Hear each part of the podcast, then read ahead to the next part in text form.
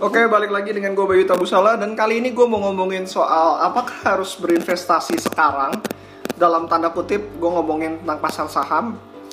Uh, di mana pada bulan Januari dan Februari ini kita merasakan tertekan banget. Uh, indeks kita udah di bawah 6000 kurang lebih sekarang di 5800 ketika gue melakukan podcast uh, podcast ini.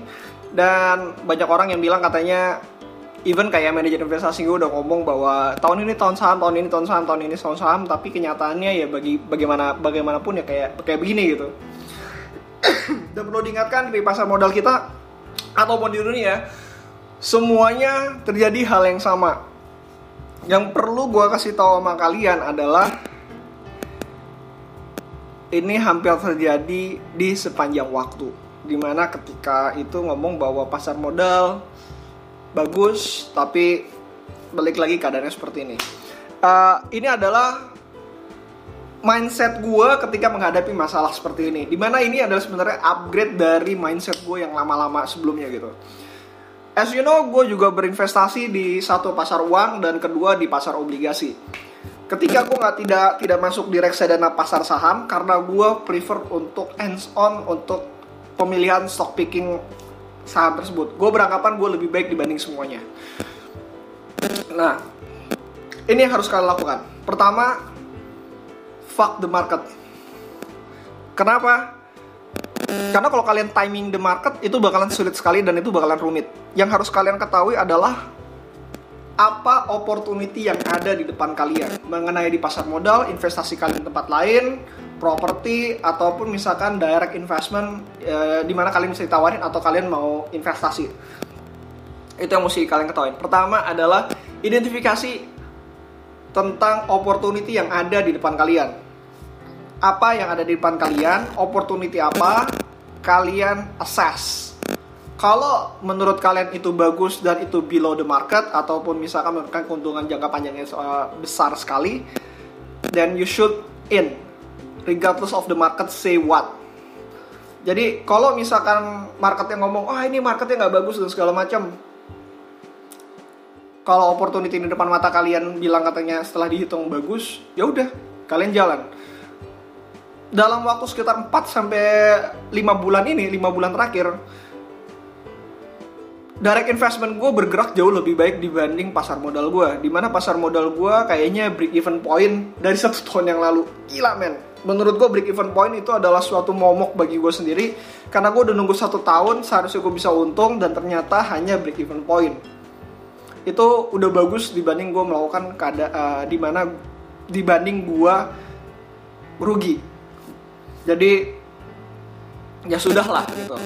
Dari investment gue justru pertumbuhannya nyaris sekitar 20% tiap bulan gitu. 15 until 20% tiap bulan eventnya sama coronavirus dan segala macam tapi dari investment gue jauh lebih uh, bergerak lebih baik dibanding dengan investment gue di pasar modal.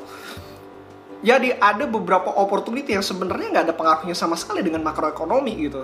Nggak berpengaruh terhadap makroekonominya nggak berpengaruh terhadap mikroekonominya tapi perusahaan tersebut emang berjalan lebih baik dibanding pairnya dan kalau kalian bisa menemukan hal tersebut kalian invest. Dan ya balik lagi. Bagaimana cara berinvest adalah bagaimana cara style kalian. Apakah all in atau kalau misalkan 20% only dan gue cuma bisa resikonya kalau resikonya sebesar ini gue cuma bisa invest sebesar ini gitu. Itu balik lagi ke kalian. Gue akan menentukan bagaimana style kalian berinvestasi tapi itu yang terjadi sama gue kalau kalian ada opportunity kalian masuk. Nah kedua ketika kalian tidak menemukan opportunity di mana market sedang tank up ketika market sedang tank up jarang banget gue bisa menemukan opportunity yang bagus. Jadi opportunity yang bagus itu terjadi ketika sekarang gitu. Saham yang murah, banyak banget yang bisa gue beli, tapi kenyataannya gue gak punya cash. Jadi apa yang gue lakukan adalah ketika market tank up, ya udah kalian jangan pernah invest di pasar modal, di direct investment, uh, atau mungkin kalian singkirkan itu semua karena lihat lagi lagi opportunity-nya. Kalau opportunity-nya yang emang nggak ada ya udah. Kalian jangan invest. Kalau emang kalian lihat kayaknya ini kayaknya ada opportunity deh. Kalian masuk. Tapi belajar dari kesalahan gue tahun lalu gue ngelihat adanya sedikit celah untuk berinvestasi. Jadi gue bilang katanya udahlah untungnya berkurang sedikit tapi yang penting gue bisa masuk ke dalam industrinya. Ternyata gue salah. Dan di mana karena kesalahan tersebut gue dihukum besar-besaran pada tahun uh, pada bulan ini pada bulan ini nih pada bulan ini dan bulan lalu di mana akhirnya gue punya cash untuk masuk lebih banyak lagi ketika market sedang keadaan kacau kayak gini kacau beliau kayak gini. Nah mau marketnya jelek marketnya bagus perlihatkan opportunity. Itu yang pertama. Kedua kalau misalnya kalian tidak menemukan opportunity yang baik maka yang kalian harus perlu lakukan adalah masuk ke pasar uang atau simpan di safe haven kalian. Itu bahasa gue sih sekarang. Simpan di simpan di safe haven kalian.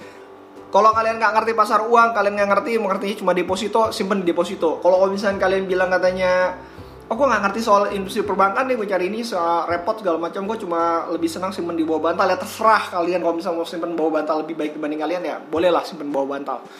Tapi kalau opportunity yang ada, yang harus kalian lakukan adalah simpen di safe haven kalian. Buat gue, safe haven gue cuma dua, yaitu adalah uh, di instrumen obligasi, obligasi negara, sama di instrumen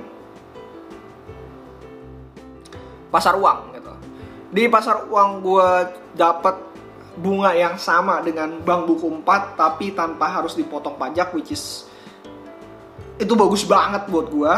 Di pasar obligasi negara gue dapat opportunity untuk mendapatkan lebih tinggi ah, kayak nyaris dua kalinya dibanding pasar uang dengan resiko yang jauh lebih minim gitu resiko yang jauh lebih minim ketika kalian tahu cara uh, memainkannya untuk gue sendiri gue pernah bilang di podcast gue yang uh, podcast gue yang lain bahwa cara untuk main di pasar pendapatan tetap pasar pendapatan tetap atau SBN negara itu yang perlu kalian perhatikan adalah apakah suku bunga BI lagi cut rate atau enggak. Gue udah ngecek sepanjang sejarah kayaknya cuma sekali atau dua kali dan itu kayak tahun 2000 sekian 2000 something 2000 rendah lah 2004 2005 gitu seinget gue di mana terjadi kejadian yang uh, suku bunga Bank Indonesia cut rate setelah itu dia bakal uh, setelah itu dia naikin lagi gitu. Setelah itu naikin setelah itu turunin lagi. Itu kejadian ini saat ya bisa dihitung satu atau satu dua kali gitu. Tapi kebanyakan adalah suku bunga itu ketika sudah dipotong dia bakalan terus akan memotong. Dan ketika suku bunga itu apa uh, dinaikkan dia bakal akan terus terus naik naik naik naik tersebut gitu pertama kalian bisa ngeliatin dari sisi itu tinggal cekin aja apakah suku bunganya akan turun atau bakalan naik di berita. Dan semua orang menurut gua kalau misalkan di pasar pendapatan tetap semua orang informasinya itu even kayaknya. Karena sulit untuk ditutup-tutupin. Karena yang ngomong pemerintah yang ngomong pemerintah. Dan begitu pemerintah ngomongin bahwa kita bakalan uh, turunin suku bunga ya udahlah kalian beli kalian oh kita akan naik suku bunga ya udah kalian jual lepas dan masukkan lagi ke pasar uang. Nah begitu aja terus gitu. Untuk tahun ini gue lebih banyak heavy on pasar pendapatan tetap. Gue masih ada di pasar uang sedikit. Kenapa? Karena di pasar uang sendiri gue harus menyiap uh, lebih konteksnya jauh uh, lebih aman dari resikonya uh, kalau uh, terjadi penurunan. Karena pendapatan tetap itu walaupun ngomongnya pendapatan tetap terjadi masih ada volatilitas di dalamnya. Dan ketika gue membutuhkan uang gue harus melepaskan atau merelakan pada angka berapapun entah itu rugi entah itu untung. Tapi kalau misalnya di pasar uang tidak ada volatilitas yang ada hanyalah pertumbuhan saja walaupun kecil. Itu yang mesti kalian perhatikan. Jadi itu yang kedua simpan di safe haven kalian dua ini kalau misalnya kalian pegang dan kalian disiplin menurut gue udah jauh lebih baik dari sebagian banyak orang gitu. Kenapa? Karena banyak banget yang mereka nggak punya apa ya mereka cenderung kalau misalkan gue ngeliat dari pengalaman gue pribadi gue sendiri cenderung kayak buat apa gue masukin pasar uang gitu. Buat apa gue masukin pendapatan pasar pendapatan tetap pada zaman dulu?